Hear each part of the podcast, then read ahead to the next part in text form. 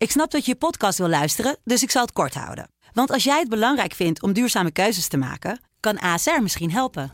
Nou hoor ik je denken, hoe dan? Nou, bijvoorbeeld bij het duurzaam herstellen van schade. Of de premies die we beleggen volgens ons duurzaam beleggingsbeleid. Dat bepaalt waar we wel en juist niet in investeren. Wil je meer weten over welke duurzame keuzes ASR maakt? Ga dan naar asr.nl/slash duurzame keuzes. ASR doet het. Zo, dan kan je nu lekker naar je podcast luisteren.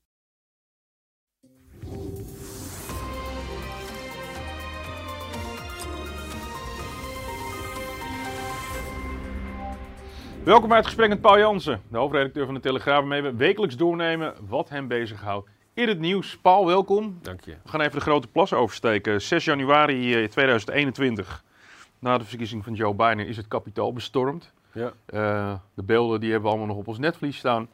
Uh, daar is al heel lang wordt daar door een, uh, een parlementaire commissie in Amerika onderzoek naar gedaan.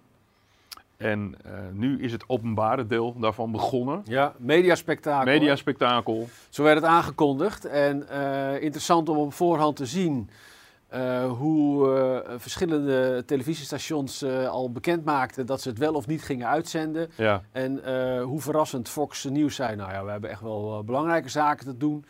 En een aantal andere stations die zeiden, nee, wij vinden dit wel heel wezenlijk, dus we gaan dit integraal uitzenden. ook ook in, interessant is dat natuurlijk het, het, comité van het Huis van Afgevaardigden dat dit, uh, dat dit allemaal leidt, een, een ervaren tv-producer in de arm had genomen om het allemaal wel wat even gelikt voor het voetlicht te brengen. Zullen we eventjes de aankondiging van de voorzitter bekijken? Die, uh, die, die, ja, één ding, één ding nog, want wa waarom hebben ze dat gedaan? Het heeft er allemaal mee te maken en, en dat het in Amerika allemaal gepolitiseerd is.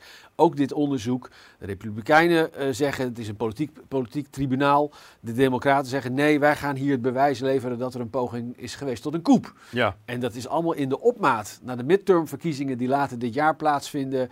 Dus uh, de waarheid wordt al snel weer uh, ondergesneeuwd door allerlei politieke belangen. En dat maakt het ook wel des te interessanter. De voorzitter van de commissie. Donald Trump, the president of the United States, spurred a mob of domestic enemies of the Constitution to march down the Capitol and subvert American democracy. January 6th was the culmination of an attempted coup, a brazen attempt, as one rioter put it shortly after January 6th, to overthrow the government. Ja, Paul, uh, dit is dan de, de, de voorzitter, dat is, een, dat is een democraat. Er zitten republikeinen in die commissie. Waaronder Liz Cheney, de dochter van, uh, van Dick Cheney. Die Ja. kennen we allemaal nog als Voormalig de uh, vicepresident onder, onder onder, Bush. onder Bush. hardline. Eh, en zij is al zwaar geëxcommuniceerd eh, door haar eh, partij. ja. En dat, dan komen we grijpen even terug op de, de totale polarisatie die extreem is in Amerika. Ik denk dat we hem in de geschiedenis misschien nog nooit zo extreem hebben gezien. Dat is altijd een gevaarlijke uitspraak dat je het in de geschiedenis nooit zo hebt gezien. Want ja, dan zal je altijd zien dat er eh, episodes zijn geweest waar het nog erger was. Ja. Maar we kunnen het er wel over eens zijn dat het niet mals is wat er allemaal in Amerika eh, gebeurt. En, en deze Liz Cheney, eh, heel opmerkelijk, hè, want de Republikeinen hebben, hebben dat onderzoek helemaal in de schoot van de Democraten willen duwen. Eh, maar er zitten twee Republikeinen zitten toch ook in dat comité. Comité overigens, wat geen juridische middelen heeft tegen Trump. Ze, ze kunnen het onderzoeken en ze willen natuurlijk een soort smoking gun Ja. afleveren. Maar er lopen al wel drie rechtszaken in Amerika tegen Trump. En dat lijkt al allemaal weer bedoeld om te voorkomen dat Trump mee zou kunnen doen aan de verkiezingen van 2024. Als er Ja. opnieuw presidentsverkiezingen zijn geweest. En de Amerikanen, de Democraten, die vrezen toch wel die verkiezingen. Aanvankelijk had Biden nogal rugwind. Maar toen kwam eerst het drama in Afghanistan. Ja. Vervolgens eh, kwam Oekraïne er nog eens overheen, waar eh, Amerika ook nogal wiebelig eh, over is gekomen. En veel belangrijker voor de gemiddelde Amerikaan. Amerikanen kampen ook met enorme inflatie. Dus Ja. de economische rugwind is daar minder. Dus je moet ook dit hele proces wat er nu zich eh, afspeelt, Ja. ook in het licht zien van politieke ontwikkelingen in de toekomst. En de Republikeinen zeggen dan over Liz eh, Cheney van ja, maar dat is een mevrouw met eigen politieke aspiraties. Dus ook dat wordt allemaal meteen eh, eh, ingekleurd. Laten we even kijken naar de leider van de, van de Republikeinen in het huis. It has permanently damaged the House and divided this country. And let's be honest, it is a smokescreen for Democrats to push their radical agenda. I don't see any primetime hearings set for gas price, for battling inflation, for feeding our children, for making the streets safer. Ja, McCarthy, wat grappig is, is een man die uh, kort na de 6 januari rellen de verantwoordelijkheid bij Trump heeft neergelegd en nu heel zwaar ontkent eigenlijk dat hij dat min of meer ooit heeft gezegd. Nou, en met name ook hier aangeeft, move on. Ja. Er zijn belangrijke zaken die de Amerikanen nu bezighouden Ja. dan een hoorzitting over een gebeurtenis van een jaar geleden. Terwijl het, ja, het is, was, was natuurlijk nogal wat, hè. Ja.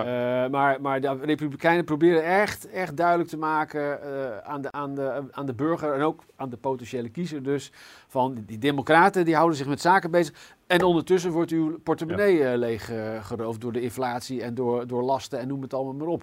Dus, dus dat is een hele slimme troef die ze daar spelen. Ja, tegelijkertijd, ehm, er is een, eh, een, het is heel heftig geweest. Hè. Dat heb je net ook een paar keer gezegd. Er zijn ook doden gevallen. Vijf doden. Ja. eh, sommige door zelfmoord, maar ook op dat moment zelf. eh bijvoorbeeld werd een vrouw doodgeschoten. Die, Ja. eh, die, de beelden zijn ook allemaal eh, vastgelegd. Trump heeft altijd in het openbaar ontkend. Ik heb die verkiezingen eh, eh, eigenlijk niet. Die heb ik gewoon gewonnen. Ja. Eh, nou, de- maar nu blijkt eigenlijk door die commissie dat de getrouwe mensen om me heen hebben gezegd: joh, ook in zijn geval move on. Eh, het is gewoon gebeurd wat er gebeurd is. Je hebt de verkiezingen verloren. En waaronder eh, zijn dochter, Ivanka Trump. Ja, en haar getuigenis is echt wel opmerkelijk. Ja. Ja, maar dat, dat is, dat, er was al een, een medewerker van het Witte Huis eh, die al belastende verklaringen had afgegeven. Maar dat zelfs de dochter van de vorige president zegt van ik geloof niet dat de verkiezingen zijn gestolen. En waar baseert zij, zij dan op? Ja, op die minister van Justitie eh, Barr die Ja. dat tegen haar heeft verteld. En dat zit dus in een getuigenis die voor deze commissie is, eh, is, eh, eerder was opgenomen en dus is eh, afgespeeld. Maar dat de dochter van de, van de president, die dus een groot complot ziet, eigenlijk zegt tegen haar vader: joh, dat klopt gewoon niet. Nee. Dat is wel, wel een onthulling eh, in, in deze, deze hele gebeurtenis. Maar ik heb tegelijkertijd nog niet, maar het is pas de eerste van Ja. een aantal sessies eh, van openbare hoorzittingen. Ik heb nog geen smoking gun gezien. Nee. Maar wat niet is, kan nog komen. Eh, en i- ik denk dat, dat ook deze, deze politici natuurlijk wel snappen dat die verkiezingen pas in het najaar zijn. Dus die, die gaan de spanning, vermoed ik, zomaar verder, steeds verder opbouwen. Ja. En je legt dan niet in één keer alles op tafel, maar je probeert dat ook te doseren. Want is wel eh, de voorbije periode gebleken dat onder Amerikanen de aandacht voor, voor deze, deze verschrikkelijke gebeurtenis toch wel wat aan het verslappen was. Dus, Ja.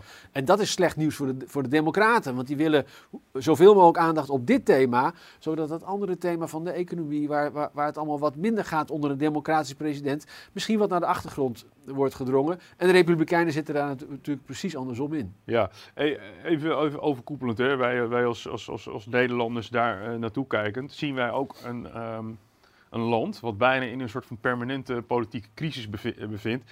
Eh, ik zat een podcast te luisteren, ging het over Roosevelt en een New Deal. En toen zei diegene van ja, maar dat was wel een tijd dat er gigantische meerderheden, meerderheden waren in, in, in het Huis van Afgevaardigden, waardoor je ook iets voor elkaar kunt krijgen. Ja. Dat land zit al heel lang in een soort stalemate van de 50% van de een, 50% van de ander. En die nemen het over na vier of acht jaar.